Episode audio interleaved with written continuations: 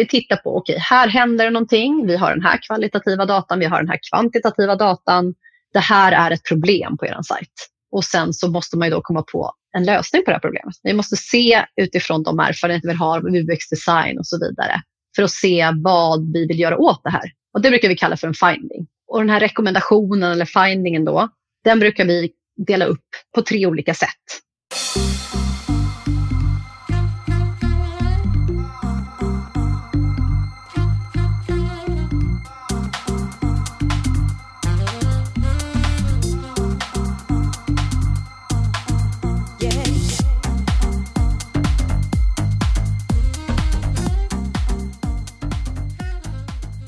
Välkommen tillbaka till Digital marknadsföring med Tony Hammarlund. Det här är en podd där jag intervjuar branschexperter och marknadsförare för att lära mig mer om digital marknadsföring. Mitt mål med podden är att bli en bättre marknadsförare och samtidigt dela med mig av intressanta samtal med några av Sveriges bästa marknadsförare. Det här är det tredje avsnittet i min poddserie tillsammans med konversionista där vi i fem avsnitt utforskar fem viktiga områden inom konverteringsoptimering och framtiden för dessa. I det här avsnittet har jag med mig Elin Kvale Linde som är conversion specialist och en del av experience och behavior-teamet på Konversionista i Stockholm. Där arbetar hon med ett team av user researchers och UX-designers med att förbättra digitala upplevelser och skapa bättre kundresor. Elin är utbildad både webbanalytiker och kommunikatör med lång erfarenhet av UX, konverteringsoptimering och copywriting. Hon har dessutom stenkoll på webbpsykologi och brinner verkligen för conversion copywriting. Elin och jag pratar i avsnittet om research och analysarbetet inom konverteringsoptimering och varför det är så viktigt. Samt om olika typer av analyser som används för att ta fram riktigt bra insikter, rekommendationer och hypoteser. Hon beskriver också hur processen går till när hon tar sig an en ny sajt och gör det man på konventionister kallar för en konverteringsutvärdering. Och hur hon använder triangulering för att ta fram värdefulla insikter och rekommendationer från de olika analyserna. Samt vad som krävs för att ta fram en riktigt bra hypoteser från dessa. Du får dessutom höra om vad kvalitativ, kvantitativ och heuristisk analys är, hur man hittar balansen mellan dessa, viktiga principer inom webbpsykologi, best practice inom UX för marknadsförare, Elins favoritverktyg inom kvalitativ analys, vad hon tittar på inom en heuristisk analys, vilka kompetenser som krävs för allt det här, plus en massa mer om research och analysarbetet. Elin levererar också spaningar kring vad hon och hennes team ser kommer hända framöver på området. Allt från hur kvalitativ analys kommer bli allt viktigare till utmaningar med spårning och AI-research. Precis som i mina vanliga avsnitt så hittar du länkar till allt vi nämner i poddenlägget på tornehammarlund.io, så du behöver inte anteckna. Och efter länkarna hittar du självklart även tidstämpel till olika sektioner i intervjun. Innan vi kör igång så vill jag även passa på att tipsa om det nyhetsbrev jag varannan vecka skickar till tusentals marknadsförare. Ett nyhetsbrev som gör det enklare att hålla koll på allt som händer inom digital marknadsföring. Och inte minst vad det innebär för dig som marknadsförare. Istället för att hålla koll på en mängd olika sajter, nyhetsbrev och andra källor så får du det viktigaste kurerat och analyserat. Och det är av en panel som består av några av Sveriges ledande experter. Helt enkelt allt du behöver för att hålla dig uppdaterad. Och du får även tillgång till en community där du kan diskutera nyheterna och ställa frågor om dessa. Prenumererar du inte så skriver du enkelt upp det på min webbsida. Nu kör vi igång det här tredje avsnittet av poddserien med konventionista. Och Elin inleder med att förklara vad det är för typ av research och analys som krävs för att lyckas med konverteringsoptimering idag.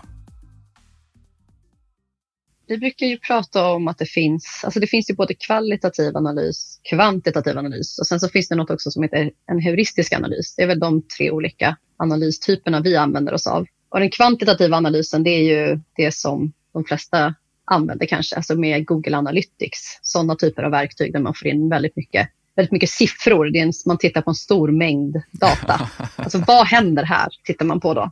Och sen så har vi kvalitativ analys som mitt team då på Konventionista jobbar väldigt mycket med. Och då handlar det mer om att man tittar på få personer, en mer grundlig analys och tittar mer på var, varför någonting händer. Och sen har vi den här heuristiska analysen också som vi använder av och det är ju en, det är för att titta hur användbar en sajt är. Alltså man, man gör som ett användningstest på sig själv kan man säga.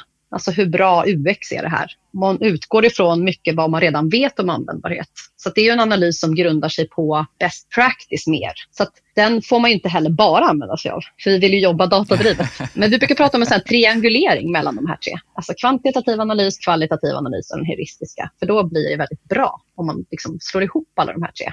Varför är det viktigt då? Vad är målet med den här typen av research? Målet är ju att se var en sajt har problem egentligen. eller sajt, en digital upplevelse, men vi jobbar ju mest med hemsidor. Så målet är att ta reda på var finns det problem och var kan vi täppa till. Alltså vi brukar se att hemsidan är som en tratt när alla användare kommer in uppifrån. Och sen läcker den här äh, tratten så att det sprutar ut en massa användare. Eh, det är olika hål där och de här hålen vill vi ta reda på vad som händer där och varför. Och sen vill vi kunna täppa igen de här hålen så gott det går. Målet är ju att öka konverteringsgraden om man ska se det liksom stort. Det är väl det konverteringsoptimering handlar om. Vi vill öka konverteringsgraden. Ja, för det var det jag lite var inne på, vilken roll det här fyller inom arbetet med konverteringsoptimering. Det är ju grunden. För konverteringsoptimering, då tänker ofta många på experiment och AB-tester och sånt där. Men det händer ju väldigt mycket innan dem, vilket är den här analysbiten. Så det är väl det vi sysslar med nästan mest. Alltså det är väl det som är mest tidskrävande. Det är att ta fram de här hypoteserna då, som leder till experiment. Ja, för det är det som är viktigt med konverteringsoptimering, att man måste ju ha bra hypoteser för att faktiskt kunna göra bra experiment också. Ja, men precis. En bra hypotes grundas i ett väl utfört analysarbete. Vilken typ av kompetenser behövs för att kunna göra de här tre olika typerna av research? Ja, men kvantitativa, om vi börjar med den då, som jag inte ska prata allt för mycket om, men den, det är ju en, oftast en webbanalytiker som gör den, som sitter och grottar i stora mängder data den kvalitativa analysen görs ju av, eh, i många fall görs det av UX-are, alltså eh, UX-designers. De tar ofta på sig den hatten också, eller man ska säga. De, de testar sina, sina skisser. Men sen har vi ju då, som här på Kommissionista, då har vi user researchers som egentligen mer eller mindre bara jobbar med att göra den typen av analys. Och sen så har vi också UX-designers eftersom att de tar ju alla de här insikterna som man kommer fram till i analysen och gör någonting nytt eller gör ett förslag, antingen en, en design till ett experiment eller en helt enkelt någonting som vi känner att vi kan med säkerhet säga att det här kommer bli bättre för att det är någonting som är så otroligt dåligt eller liksom vi vet av erfarenhet eller vi vet att det här är någonting som, som kan lösas med design. Vi, vi, behöver inte testa eller vi kanske inte kan testa det för att det är en sån liten del eller på en sajt som inte har så mycket data. Då gör man ju också design direkt. Vi brukar kalla det för just do it. Om vi börjar med den kvalitativa analysen, vilka olika sätt finns det att göra den? Ja, med kvalitativ analys, alltså jag, en stor del av det är ju de här användningstesterna som jag har nämnt. Men det finns ju extremt mycket mer än det. Man kan liksom dela upp det i olika kontexter där man kan både titta på vad användare gör och sen så kan man också lyssna på vad de har att säga i ett användningstest till exempel så, så blir det väl en, en kombination av de här två kan man säga. Att man, man är där som en, som en observatör, man vill se vad användaren gör men vi hjälper dem också genom att ge dem uppgifter under resans gång och ett scenario som beskriver ungefär var de befinner sig i sin köpresa. Så att vi har ju bestämt innan att vi vill att de ska genomföra ett köp exempelvis för vi vill se hur den resan fungerar. Och då är vi med att pusha dem lite åt det hållet då, så att vi ska kunna se. Jag menar, ifall en användare går in och säger så här, nej jag är inte intresserad av den här produkten och sen går de, ja, men då blir det inget bra test. Så vi måste säga, men om du nu var intresserad, vad hade du gjort då? Så då är vi där och påverkar dem lite grann. Men det finns ju också tillfällen när vi bara observerar och då kan det vara att användare inte ens vet om att vi tittar på dem, som till exempel i skärminspelningar. Och det finns ju sådana här scrollmaps scroll maps och click maps, alltså man ser hur folk klickar och scrollar i viss del också eye tracking kan också ske utan att man eh, blir påverkad utifrån, eller man ska säga, av en, en testledare. Sen är väl någonting som de flesta blivit utsatta för, det är ju den här typen av polls eller enklare undersökningar på sajt också. Precis, det är faktiskt en av mina favoritverktyg, sådana här polls. Alltså man kan få reda på så otroligt mycket från dem. Så jag, det är nästan alltid det första jag gör när jag kommer till en, till en kund och jag ska utvärdera deras sajt. Bara upp med en poll, gärna på ett ställe där folk droppar av men också det är ganska vanligt att folk kanske lägger saker i varukorgen, går till första steget i kassan och sen så nej, men jag bestämmer mig för att inte köpa. Då är det jättebra att ha en poll där som, som frågar användaren. Det, det poppar upp en liten fråga som säger hej, om du nu valde att inte köpa idag, vad, vad berodde det på? Och sen har man en eh, fritextalternativ så folk får skriva egentligen vad det handlar om. Och det kan vara att de säger att ah, det var för dyrt eller de skriver att jag förstod inte riktigt leveransen eller ja, det finns ju en massa bra insikter man får från sådana typer av eh, polls. Vad är det för typ av insikter eller information man är ute efter från den här typen av kvalitativ analys? Det är väl egentligen varför saker och ting händer. Alltså, om vi ser i den kvantitativa datan att, ja, men som jag nämnde, det är jättemånga som hoppar av här i det här steget i checkouten. Och då vill vi titta närmare, för i den kvantitativa datan då får vi reda på att någonting händer där. Vi ser att folk droppar av, men det är svårt att förstå varför om man bara tittar på den kvantitativa datan, den kan ju också säga att ja, men det, folk klickar inte på den här knappen, men vi får ju aldrig reda på varför de inte klickar på den här knappen. Så då kommer den här kvalitativa datan in i bilden. Speciellt användningstester då, att man, okej, okay, då låter vi ett gäng användare, vi brukar utgå ifrån ungefär fem stycken. Liksom, då får de gå igenom de här stegen och tänka högt. Och då kan det vara så att de, de kommer fram till steg ett och säger så här, men vänta nu, varför måste jag ge mitt mobilnummer här? Vill, kommer någon ringa mig eller? Det vill jag inte, jag vill inte ha någon jäkla säljare på mig, säger de kanske. Och då får man en, ja just det, det skulle kunna vara en anledning varför folk lämnar här. Vi kan ju inte definitivt säga att det är det om det är en eller om det är fem användare som säger det, men vi får ändå en bra insikt i vad som kan vara fel där. Och det är där också experiment kommer in i bilden. Men då kanske vi säger, okej, okay, vi ska inte be om mobilnumret redan här, det gör vi lite senare, utan nu ska vi be om någonting mer enkelt, till exempel ditt namn eller vad det nu kan vara. Det här är det kvalitativa. Mm. Vilken typ av kvantitativ analys är det man gör? Det finns ju otroligt många sätt att utföra kvantitativ eh, analys på. Jag ska nog inte prata allt för mycket om kvantitativ data. Även om jag är gammal webbanalytiker så är det inte det som är min, min stor, största grej nu. Det, finns, det kommer det väl andra att prata om tror jag i den här podden, va? mer om, om den metoden. Men men det är ju en viktig del. Så jag pratade ju om förut att vi tänker på kundresan som en tratt eller en funnel om man ska använda det engelska uttrycket. Det vill säga att man har en, en drös med användare som kommer in och sen så droppar det av fram till slutkonvertering. För konverteringsgraden kanske ligger på ungefär 2% Det betyder att av, av alla som kommer in på en sajt så är det 2% som utgör den här slutkonverteringen. Då. Till exempel köper någonting eller anmäler sig till någonting eller vad det kan vara. Så det är ju ganska liten procent av alla som faktiskt kommer in. Så då vill vi veta vad de här andra 98 procenten håller på med. Och då bygger vi en sån här funnel i eh, Google Analytics. Eller Google Analytics, de har ju det från början. Är det primärt Google Analytics eller finns det andra sätt ni gör kvalitativ analys? Det finns andra också, men det är primärt Google Analytics ska jag säga. Sen finns det ju andra, det finns till exempel Adobe Analytics, så det finns ju andra typer av kvantitativa analysverktyg. Och sen har jag ju nämnt tidigare också att sådana här clickmaps och heatmaps också mouse movement maps. Alltså man får se hur folk rör musen på sajten. Man, man, kan se hur folk scrollar, man kan se vad folk klickar. Det räknar ju vi in ofta som en kvalitativ data, men den är också kvantitativ eftersom att det är procent vi tittar på. Vi tittar på hur många procent scrollar under den här scrollgränsen som jag pratade om. Hur många förstår att de ska scrolla, hur många vill scrolla här. Och då ser vi det på den här kartan. Vad är det för typ av data eller insikter ni är ute efter? Vad är det som händer på sajten? Var har vi hål? Alltså var är det stora hål att täppa till? För det är ju hål. Alltså vi, det kommer en, en hel massa användare till sajten och sen så finns det något som heter bounce rate. Alltså folk bouncear. Det, det betyder att de inte interagerar med sajten överhuvudtaget. Eller att de interagerar med sajten men vi inte har spårat det. Men det är ju en annan historia. Men det handlar ju om att de inte gör någonting på sajten och det vill vi ju inte. Vi vill ju att de ska göra någonting. Vi vill att de ska ta en action. Vi vill att de ska stanna på sajten och vi vill att de ska komma till våra produkter då som vi säljer exempelvis. Och när de väl har kommit till produkterna så vill vi att de ska välja en produkt och vi vill att de ska köpa produkten då säger vi. Och det här illustrerar vi då i en funnel och då ser vi ju var någonstans på sajten där verkar som att man har mest problem.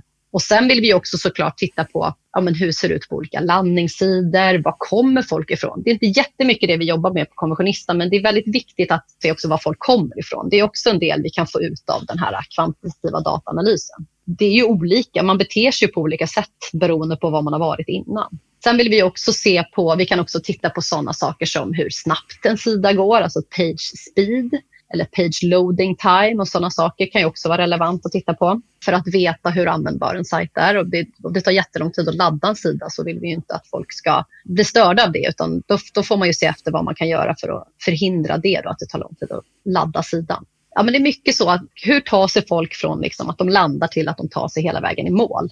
vad tar de, vilka sidor besöker de innan? Folk som besöker den här sidan kanske konverterar i högre grad. Varför då? Det vill man ju ta reda på. Det verkar som att här finns det bra information för användaren. Så det är som ett detektivarbete kan man säga. Ja, men det här tog vi upp lite med Karl när vi pratade landningssidor också. Mm. Inte minst om det här med att titta på var kommer användare ifrån och vad var det de såg då? Ser man en tydlig koppling mellan annonsen till exempel och landningssidan i sig? Det är ju alltid relevant och det är relevant om man, gör en, om man utvärderar en sajt för de kommer ju alltid någonstans ifrån. Och, men sen det som han pratade om där, man kan ju ta med sig det också till exempel när det kommer till att ta sig vidare i funneln ändå. Alltså, om man tänker så här att du är ju på en sida, säg att du är på en produktsida och trycker på köp till exempel. Vart hamnar du då? Det måste ju också kännas relevant. Det måste ju också kännas rätt. Det är viktigt sajten rakt igenom, att man hamnar där man känner att man borde hamna så att säga. Så att det är, ju, det är liksom relevant hela sajten igenom, inte bara när man kommer utifrån och landar så att säga. Det här är då de två första typerna av analyser, det kvalitativa och det kvantitativa. Men sen pratar du också om UX och heuristisk analys. Vad är det för något och kan du beskriva hur det går till? Så här, om jag ska börja analysera en sajt, då gör jag ofta en så kallad heuristisk analys först. Eftersom att ofta så handlar det om att jag jobbar tillsammans med en webbanalytiker och jag jobbar tillsammans med en eh, user researcher. Och de på sitt håll kanske sitter och samlar in data. Men vad ska jag göra då? Jag får liksom, istället för att sitta och rulla tummarna och vänta då på att de ska inkomma med den här jätteintressanta eh, datan så kan jag börja med att titta på en sajt och, se hur den är byggd och göra som ett användningstest på mig själv kan man säga. Och det brukar vi kalla för en heuristisk analys. Jag, jag följer kundresan på sajten och tittar på hur den ser ut. Så att jag tittar på till exempel om jag landar på startsidan och då har jag ju en del saker jag kan bocka av. Då. Som vi pratade om, så här, förstår man att man kan scrolla här? Känns det här relevant? Eh, är det tydligt vilken typ av action jag ska ta här? Om jag vill använda menyn, hur funkar den? Om jag vill använda söket, hur funkar det? Hittar jag sökfältet? Är resultaten så att jag förstår dem? Och då finns det ju en massa UX-principer och best practice som man kan liksom ha i bakhuvudet hela tiden. Till exempel, är det, är det tillräckligt mycket kontrast på texten? Alltså ser jag texten ordentligt? Är det tillräckligt stor typsnitt? Det här är saker som de flesta vet innerst inne, ja. men som man ändå inte gör. Nej, nej, nej. nej. Och det är någonting som man själv upplever. Alltså det, det är ju så hemmablindhet drabbas ju alla av förr eller senare, till och med, till och med vi. Så att, har jag jobbat med en sajt väldigt länge, då börjar jag bli hemmablind. Då tänker kanske inte jag på de här sakerna längre. Och det är därför man gör användningstester såklart. Därför att då får man de här nya ögonen på sajten som man verkligen behöver och de här insikterna om hur det faktiskt fungerar. För att har jag använt en sajt jättemånga gånger, då spelar det ingen roll hur dålig UX det är. För jag vet, jag har lärt mig den hårda vägen. Jag har lärt mig hur den här sajten fungerar. När vi ändå är inne på just best practice, vad finns det för fler principer eller viktiga saker att tänka på inom UX och webbpsykologi som du tycker att fler marknadsförare borde ha koll på? Det finns ju en hel del, men om jag ska ge några exempel så är ett av dem eh, social proof som grundar sig i att vi människor tenderar att göra som alla andra. Och då är det ju att man till exempel säger vi har 10 000 nöjda kunder eller vi har ett betyg, att folk har satt betyg på olika produkter, ja, men likes, Alltså allt som visar på att andra tycker om den här produkten och därför så vill jag också göra det. Jag vill göra som alla andra. Och därför Logotyper, kundcase och ja, precis. testimonials och så vidare. Definitivt. Ja, men kollar vi på business to business så är det ju att man, eh, de här andra kända företagen jobbar med oss. Det är också en form av social proof. Litar det här företaget på er, ja men då kommer jag också lita på er. Eh, så det, fungerar, det är någonting som, som fungerar bra. Sen finns det också någonting som vi brukar kalla, som kallas för urgency. Och det känner man ju också igen. Alltså det handlar om att det är en begränsad tid. Man har en kort tid på sig. Alltså, nej men passa på nu eftersom att eh, den här kampanjen gäller bara i så här många fler dagar. Du vet att ibland är det en sån här klocka som verkligen räknar ner. Det är ju en klassisk urgency. Alltså jag, jag måste slå till nu för sen är det för sent. Det handlar ju om det. Lite FOMO så att säga. Eh, och någonting som liknar det är också scarcity, men då handlar det inte om tid utan då handlar det kanske mer om antal. Alltså det här hotellrummet är det fyra andra som tittar på just nu. Vilket betyder, hjälp, det är bäst att jag slår till innan någon annan kniper det här framför mina ögon. Eller ett fåtal kvar står det ibland när man är inne i butiker och så här. Och sen så har vi eh, någonting som heter Goal Gradient. Eh, nej men det handlar om till exempel om man ska fylla i ett formulär. Och det var lite det jag var inne på tidigare. Alltså vad är lättast att börja med? Är det någonting som är känsligt för mig? Ja, men till exempel om jag ska köpa någonting och det första de säger så här. Lägg in dina kortuppgifter innan man kanske berättar om eh, hur många man vill ha eller vem jag är och vilken adress jag har. Eh, man är ganska van att kortuppgifterna kommer sist. Och det är nog ingen tillfällighet, för det är någonting som kanske är svårt för mig att ge ifrån mig. Det är ingenting jag vill ge ifrån mig eh, direkt, utan jag vill börja med någonting enkelt. Man är mer mottaglig att ge ifrån sig eh, sådana här krångliga uppgifter eller jobbiga uppgifter i slutet av sin, eh, av en checkout exempelvis än i början. Så man, man börjar med någonting enkelt och slutar med det svåra. Det är väl mitt tips när det kommer till det. Och vi har också någonting som kallas för gradual engagement som går in i det här. Ja, men det går ut på att det är viktigt att få användare att komma igång. För om man kommer igång med någonting så är det mycket större sannolikhet att man också slutför det. För att vi är ju duktiga människor som vill bli klara med saker. Om du får någon att börja med din checkout eller börja med att fylla i ett formulär så, så är det liksom större sannolikhet att de faktiskt slutför det också. Och det är väl också viktigt att visa om man är i ett sånt flöde, till exempel i en checkout eller skapa ett konto, att man faktiskt visar hur långt har man kommit så att man vet att man är på väg. Ja, men precis. För att annars kan man ju komma dit och känna hur långt är det? Speciellt när det är flera steg. För det första om det inte ens står hur många steg där, då blir man ju väldigt misstänksam. Sen kan det stå det här är steg ett av fem, men man kanske inte vet vad händer i de andra stegen då? Alltså vad vill du ha av mig? så då kan det vara bra också att berätta, men i steg ett så fyller du i det här och sen så fyller du i dina personuppgifter och sen så händer det här och sen är det klart. Med det sagt, det här är ju såklart någonting man måste testa. Det är inte någonting som man alltid ska gå på, men det kan vara någonting som får flera användare att slutföra en checkout exempelvis. Har du några UX-principer eller någonting kring design som är viktigt att tänka på? Ja, men jag nämnde ju tidigare eh, kontrast. Alltså man tänker på att internet består ju av text. Alltså hemsidor är text. Det, vi läser oss ju oftast till. Alltså det finns videos och sådär. Men i slutändan så är texten väldigt, väldigt viktig. Och om man inte kan läsa en text så tappar den ju hela poängen. Eller man ska säga. Så det är någonting som jag ofta ser hos mina kunder jag är ute hos. Att de här kontrastproblemen. Om det är till exempel en ljusgrå text på en vit bakgrund, då är det svårare att läsa den. Både för oss som har bra syn men också för de som har dålig syn blir det ju ännu jobbigare. Så kontrast är någonting som är viktigt. Och där kommer också in en big no-no och någonting som jag alltid tittar på när jag kommer till en sajt. Text på bild.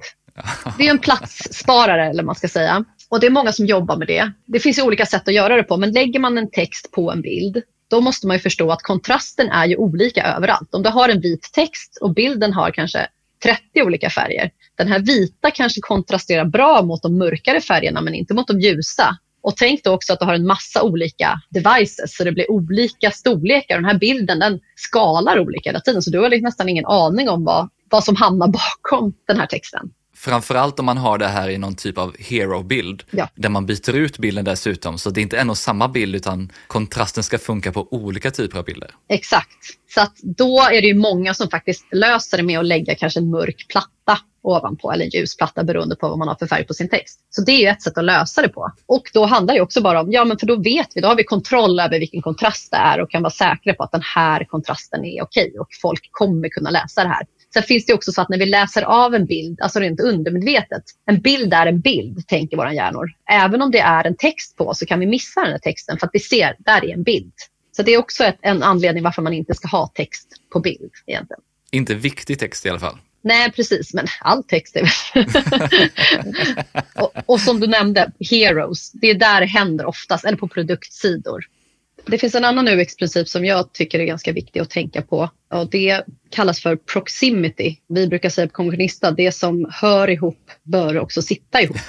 Vad betyder det då? Jo, det är att eh, man, om man har till exempel en e-handel så har vi sett att det gynnar sig, eller vi har, vi har avtestat det här, att det är bra om bild, pris och knapp till exempel är nära varandra. Så bilden på produkten, vilket pris det har och en liksom köpknapp eftersom de, de hör ju liksom ihop. Om man vill ha extra mycket information om ett pris till exempel och sen har man prisdetaljer för att förklara priset bättre. Och har man dem då långt ifrån varandra så hittar man kanske inte de här prisdetaljerna. Och även om det är så att kunden kan komma in och leta efter prisdetaljerna, ser de inte och lämnar därför sajten för de tänker nej jag kan inte få reda på något mer än priset. Men om man flyttar den här länken till detaljer som vi gjorde då ett projekt jag var med i så att det låg närmare priset. Då började helt plötsligt väldigt många fler klicka på den för att de hade ett behov av att veta mer och då hittade de det bättre. Så att även om det, de låg liksom nära, alltså säg, ska man liksom måtta mellan fingrarna, det kanske var fem centimeter men man flyttade det så det bara, de låg bredvid varandra så var det väldigt många fler som klickade.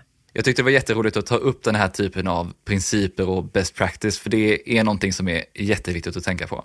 Men om vi hittar tillbaka till researcharbetet. Om man nu har de här tre olika typerna av analys, hur hittar man rätt balans mellan de här och vad är det som avgör det?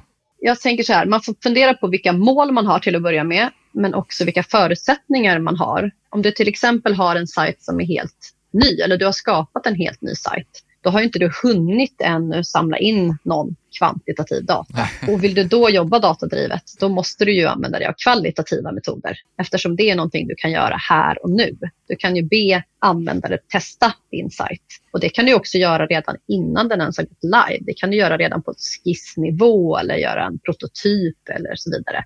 Så att då kan du få den här typen av insikter redan innan du ens har lanserat sajten. Vilket jag verkligen rekommenderar. För det är tråkigt att lansera en sajt som det visar sig, den funkar inte alls. Som man hade faktiskt kunnat för, förebygga genom att göra kvalitativa tester liksom innan.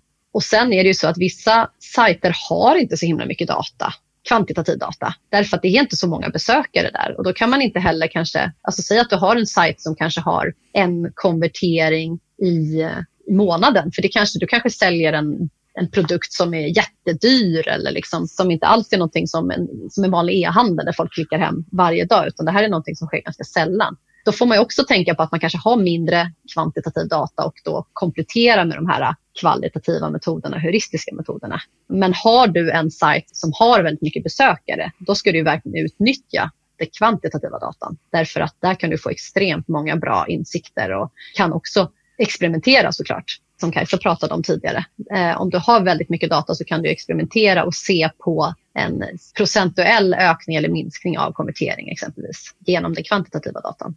Då kommer vi också in på just hur man arbetar med den här typen av researcharbete. Så hur ser din arbetsprocess ut och vad är det du gör när du tar dig an ett nytt projekt? Om jag ska utvärdera en sajt, vi brukar kalla det för en konverteringsutvärdering. Då brukar jag börja med att göra en heuristisk analys. Så att jag gör som ett användningstest på mig själv. Så jag går in på sajten och surfar runt, jag lägger saker i varukorgen. Om det finns en checkout går jag igenom den, inte hela vägen, ibland hela vägen, men bara för att testa hur saker och ting fungerar. Då har jag också i bakhuvudet en massa UX-principer och webbpsykologiska principer som jag vet ungefär vad jag ska titta efter. Förstår man vad som händer här? Vad är det för copy på knapparna? Hur ser menyn ut? Kan man söka? Och så vidare. Det finns massa saker som jag tittar på för att se hur, hur sajten fungerar. Och så, bara, så brukar jag ta screenshots och bara, här ser jag någonting och så skriver jag någon liten kommentar. Det, det, är inte så snyggt men det är snabbt och enkelt för att jag ska komma ihåg det. Så screenshots är jättebra. Pilar och inringningar och så vidare för att jag ska liksom visualisera för mig men här finns det någonting som jag skulle vilja veta mer om. För det kommer ju sen. Då kanske jag tänker så här, ja, jag tror inte så många klickar på den här knappen. Och vad gör jag då? Jo, men då måste jag gå in i Google Analytics för att se om det faktiskt, hur det ser ut där. Hur många som kommer till den här sidan klickar på den här knappen. Så då leder ju det ena till det andra om man säger så. Kommer man till den kvantitativa analysen och här får jag faktiskt också oftast hjälp av en webbanalytiker. Då tittar vi ju på att skapa den här fannen som jag pratade om tidigare. Alltså vi tittar hur många kommer till sajten, hur många stannar på sajten, hur många hittar den produkten vi säljer, hur många lägger i varukorgen eller påbörjar en checkout och hur många konverterar faktiskt i slutändan. Och då får vi ju en, en ganska bra syn på vad, vad sajten eventuellt läcker. Och förhoppningsvis så sker också någon typ av eh, kvalitativ datainsamling här, det vill säga man utför användningstester för att få ännu mer insikter i vad som inte fungerar eller fungerar. Och då kan det gå åt det hållet. Då kanske vi i användningstesterna ser att här verkar det vara ett problem för, för att våra användare verkar stöta på patrull här. De, de, de hoppar av av olika anledningar. Och då vill vi veta hur ofta vanligt förekommande är det här då? Är det någonting, kan vi dra på stora växeln här eller är det bara en slump att de här användarna gör så här? Då går vi ju till kvantitativa datan och tittar. Hur många är det som droppar av i det här steget och kan det här vara anledningen till det? Väntar du med att sätta igång med den här typen av kvalitativa analyser och sätta upp pollar och så vidare? Eller gör du det från början? Det bästa är att göra, man vill göra allt på en gång egentligen, men det viktigaste, det viktigaste att börja med det är där man faktiskt ska samla in data, som till exempel en poll. Den ska ju upp så fort som möjligt. Därför att där måste vi vänta in ett resultat.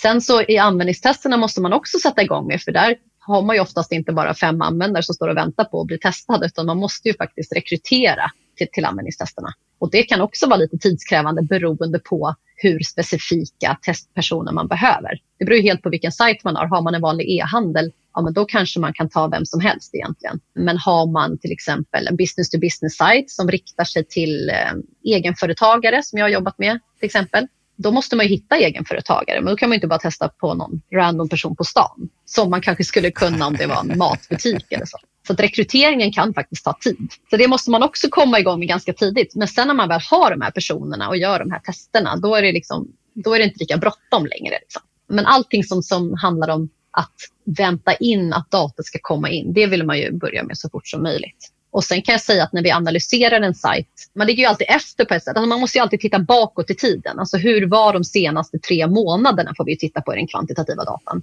För vi kan ju inte titta på de kommande månaderna eller exakt vad som händer just nu, för det är för lite data. Jag kan inte säga men just idag händer det här, utan jag måste ju gå tillbaka för att få en större datamängd. Och då får jag ju gå tillbaka i tiden och titta på den datan. Så den datan är ju oftast redan insamlad.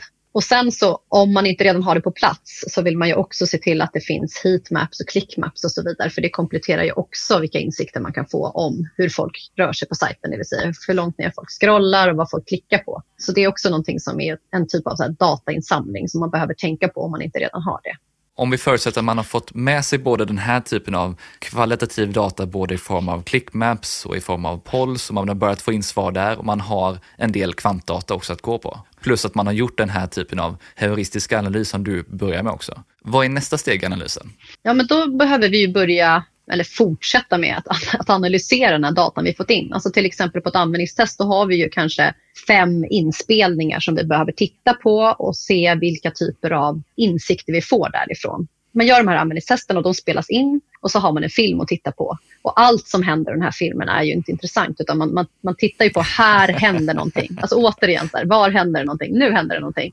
Och, och, och skriva en liten anteckning över det eller ta ut ett filmklipp så att man, liksom, man bryter ner den här jättestora datamängden till liksom, lite färre insikter. Och ofta så kan man se att ja, men, den, båda de här två användarna råkade ut för det här. Och då kan vi liksom klustra ihop olika findings från olika typer av användare för att se ungefär, ja, men ungefär vad är det för någonting som folk kör fast på på den här sajten egentligen. Och då kanske det visar sig, ja men här ser vi, ett, det vet jag att Kajsa också pratade om, är det motivation som är användarnas problem eller är det friktion till exempel? Så det kan ju vara massa olika insikter som man klumpar ihop till, okej, okay, här behöver vi jobba mer med motivation. Eller här märker vi att det är väldigt mycket friktion, exempelvis. Och sen så måste man ju få ihop alla de här datapunkterna som vi redan har. Så, som jag sa tidigare, att man måste ju se, stämmer de här överens med varandra? Verkar de korrelera? Att de här insikterna vi får från den kvantitativa analysen och det kvalitativa, gifter de sig? så det handlar ju om att liksom egentligen analysera här och vad vi brukar göra då det är att vi skriver ner det helt enkelt. Vi tittar på, okej, okay, här händer det någonting. Vi har den här kvalitativa datan, vi har den här kvantitativa datan.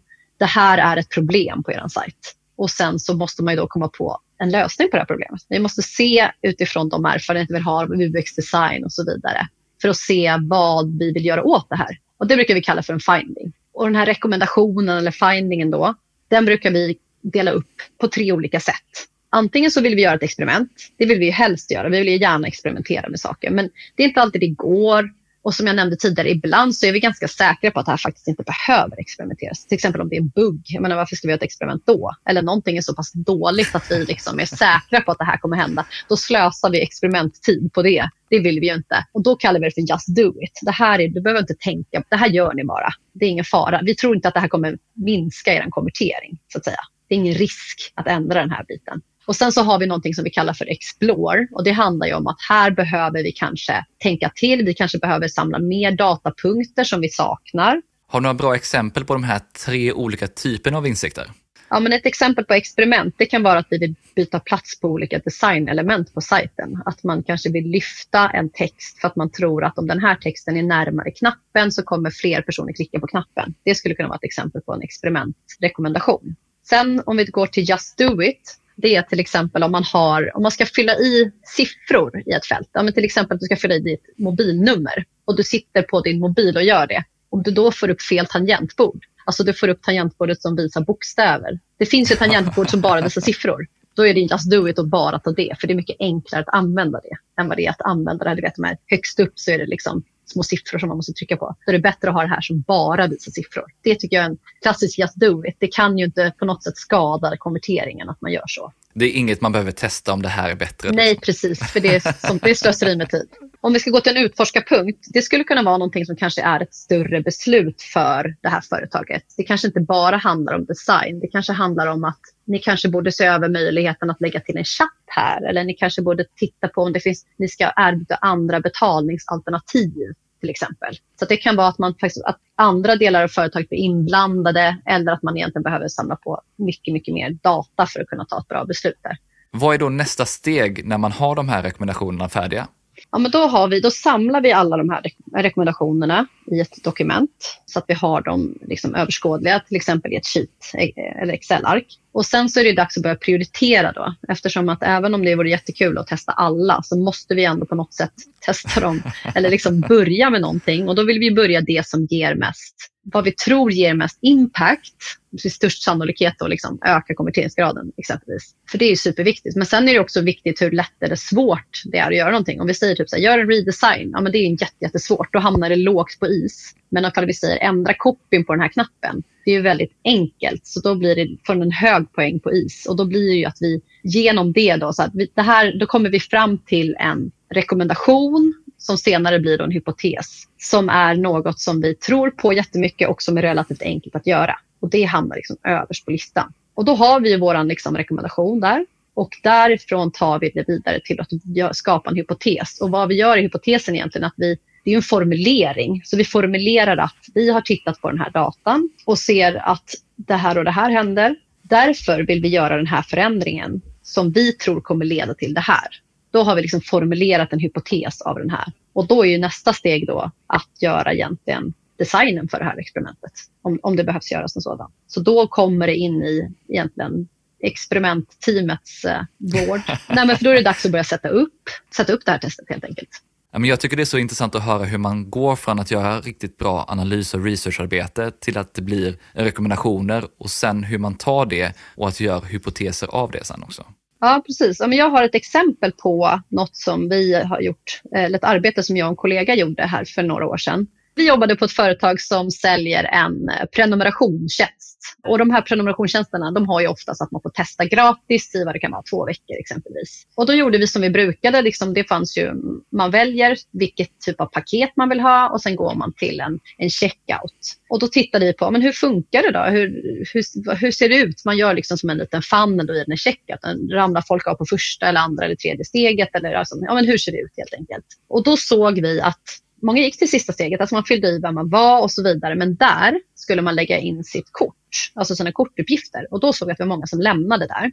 Så det första vi gjorde då var att sätta upp en poll för att se varför lämnar folk här? Och så fick vi ju vänta ett tag tyvärr. Det måste man göra. Man måste, som jag pratade om, man måste vänta på att det samlas in data. Och sen så får vi liksom, har vi ett gäng svar och vi hade sådär fritextsvar då. Och då skriver folk en massa saker. Men vad vi såg då var att många reagerade på att man måste lägga in sina kortuppgifter trots att det var gratis. Och det är en ganska liksom relevant fråga att ställa sig. Om ni ser att det är gratis, varför behöver ni mina kortuppgifter? Då tänker de flesta, ja men det är för att de ska lura mig att jag ska liksom bli fast här och jag ska glömma att jag har lagt in dem och så kommer ni börja dra här så kommer jag liksom prenumerera på den här tjänsten. Och så kan det väl i och för sig vara på ett sätt men det handlar ju också om från företagets håll att de vill ju veta att det är en unik användare som börjar prenumerera eller börjar prova gratis helt enkelt. För att ifall, annars så skulle du kunna skapa 30 olika e-postadresser och bara liksom köra på och aldrig betala för den här tjänsten.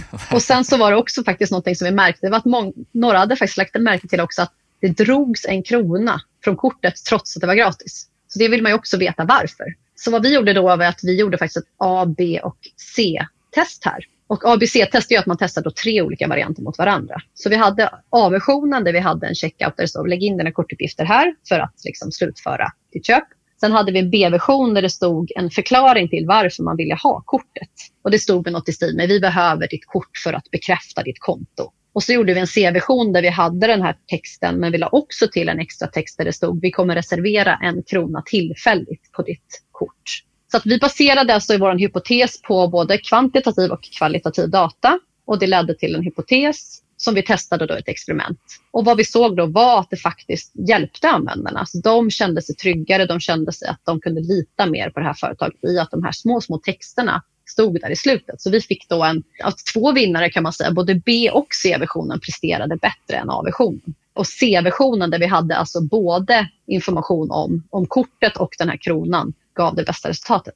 Och det är ju frågan om, det är väldigt mycket pengar som de då tjänar på att göra den här implementationen. Och det hade varit svårt att komma på utan att göra ett grundligt analysarbete först. Det krävs ju att man faktiskt tittar på vad användare eller besökare eller kunder faktiskt säger och varför det är de hoppar av i den här fannen. Ja, men precis. Det är väl ofta sådana typer av hypoteser som nästan presterar bäst. Alltså när man har den här äh, trianguleringen av data som vi har pratat om. Vi har både kvalldata och vi har kvantdata som båda två leder fram till en hypotes. Det är liksom från två olika håll om du förstår vad jag menar. Och sen så är den här äh, principerna vi pratar om, det kommer ju också in, det är där vi tänker på, okej, okay, folk behöver känna sig trygga. Det är också en del av en del av analysen, att vi förstår den biten. Som också, och hur gör vi det? Jo, vi ger dem mer information. Så det är ju liksom, ja men det är så här ett lyckat test ofta går till. Att man har de här olika datapunkterna som i slutändan ger oss en väldigt, väldigt stark hypotes. Men det här är ett sånt här fantastiskt exempel på hur man faktiskt kan använda den här typen av kvalitativa insikter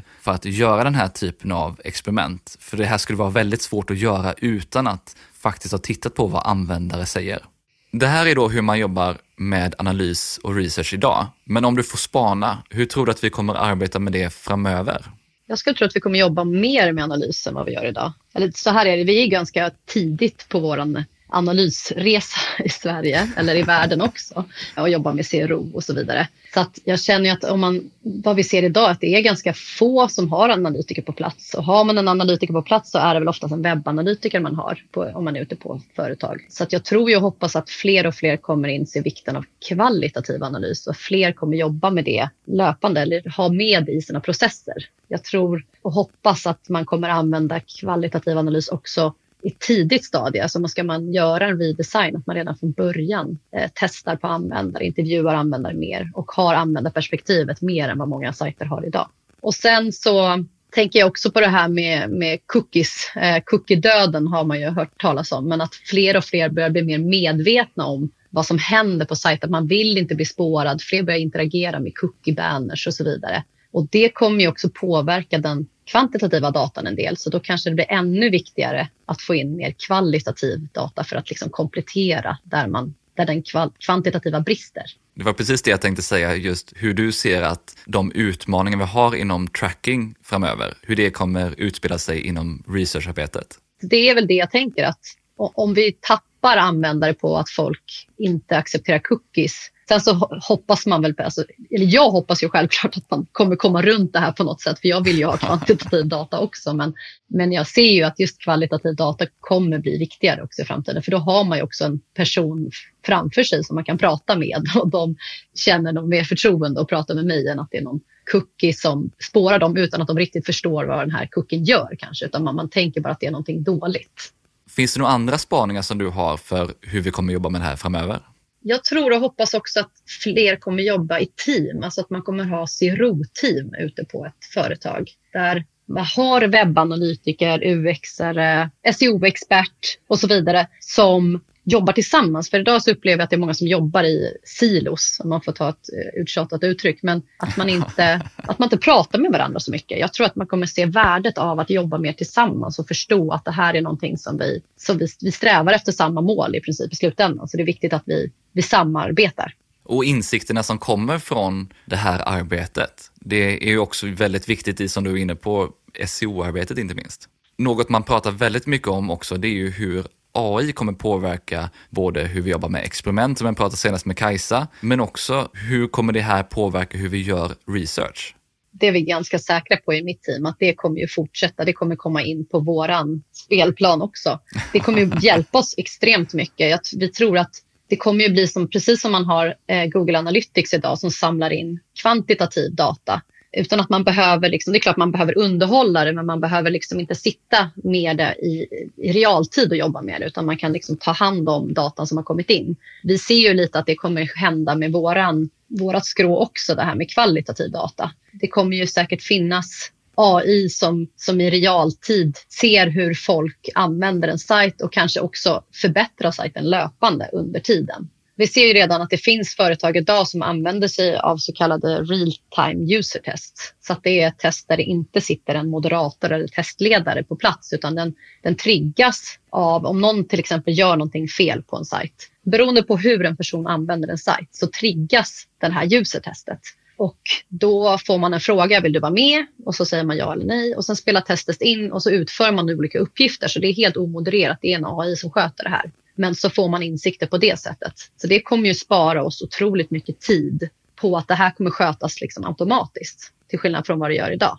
Sen kan man ju vara misstänksam, eller man kan ju bli rädd då att vi kommer bli av med våra jobb i framtiden. Men, men det tror vi inte kommer hända, utan snarare att det blir lite som i Google Analytics, att man är en man måste ju sätta upp det på ett bra sätt, man måste vara där och analysera, man måste veta vad man tittar efter för att kunna få ut så bra data som möjligt från de olika testerna och kunna analysera och komma fram till bra insikter. Så jag tror inte att vi blir av med jobbet, men jag tror att det kommer förenklas ganska mycket med hjälp av till exempel AI. Och det går väl också in i det här som du sa i början där, att du hoppas att fler och fler börjar jobba med det här på riktigt. Och om man har det här stödet med någon typ av AI som kan hjälpa en med analysen så kan det också kanske vara det som får en att verkligen jobba med det. Inte minst om man har ett mindre team. Ja, men exakt. Så är det ju. Men då är det också det här med att det ser vi många kunder som man, som man tänker sig att Google Analytics funkar idag. Att man, man sätter upp det och sen kommer det stå och samla in data så är allt frid och fröjd. Men man kommer, det kommer vara lägre tröskel att få in en massa data. Men det kommer ju då vara mer data att analysera. Så det sätter ju också ett visst krav på att det finns någon person där på plats som kan analysera all den data som kommer. Men med det sagt så, så tycker jag bara att det är positivt och jag tror också att fler kommer få ett intresse av kvalitativ data när det, finns, när, när det går till på det här sättet. Och sen så förutom att det finns AI som hjälper oss då att utföra analys så kan man ju också ta hjälp med vad man ska göra sen med insikterna. Det finns redan idag generatorer som skapar design och copy, annonser och så vidare. Man stoppar in olika parametrar som man vill ska vara med, till exempel vilka färger har vi på sajten och så vidare. Och så kommer det ut ett resultat som är en design, eller ett förslag på en design skulle vi anse att det är, för att vi känner ju fortfarande att det behövs någon typ av mänsklig touch på det för att det ska bli bra. Men det tror jag också kommer hjälpa oss väldigt mycket när vi ska göra ja, experimentdesign eller vanlig design, att vi kommer eh, kunna få en hel del olika alternativ som vi kan välja mellan och ta fram det bästa. Så att vi kommer liksom ha en liten medhjälpare som hjälper oss att komma på bra lösningar. Riktigt bra spaning att avsluta med från Elin och så många bra tankar och insikter om research och analysarbetet. Jag gillar inte minst tanken att använda de tre olika typerna av analys för att triangulera sig fram till riktigt värdefulla insikter. Du hittar som vanligt länkar till allt vi nämnde i poddlägget på tonyhammarlund.io Elin har också skickat med en hel del länkar om allt från konverteringsutvärderingen och heuristisk analys till designprinciper, webbpsykologi och hur man skapar bättre hypoteser. Och ett antal riktigt bra boktips. Tyckte du om det här avsnittet så hoppas jag att du fortsätter lyssna in på den här poddserien som jag gör tillsammans med Konventionista. Missa inte heller att lyssna in på de två första avsnitten med Magnus Hedin om Growth Teams och Kajsa Hedqvist om experiment. Nästa avsnitt är med Max Hammarberg om datakvalitet och varför det är så viktigt idag. Jag vill även passa på att tipsa om Conversion Manager som är Konversionistas utbildningsprogram. Det körs två gånger om året och man får lära sig deras metodik för att arbeta mer datadrivet och förbättra sin konvertering. Och nytt för i år är också att man kan välja att gå enskilda utbildningsdagar. Du som använder koden Hammarlund vid anmälan får 1000 kronor rabatt på valfri dag eller 10% på hela programmet. Mer information finns på conversionmanager.se och du hittar självklart länken i poddenläget. Sist men inte minst så vill jag passa på att tacka Mikael Lindberg på Better Waves som hjälper till med att producera den här podden och stå för musiken. Vi hörs snart igen med fler intressanta gäster och ämnen.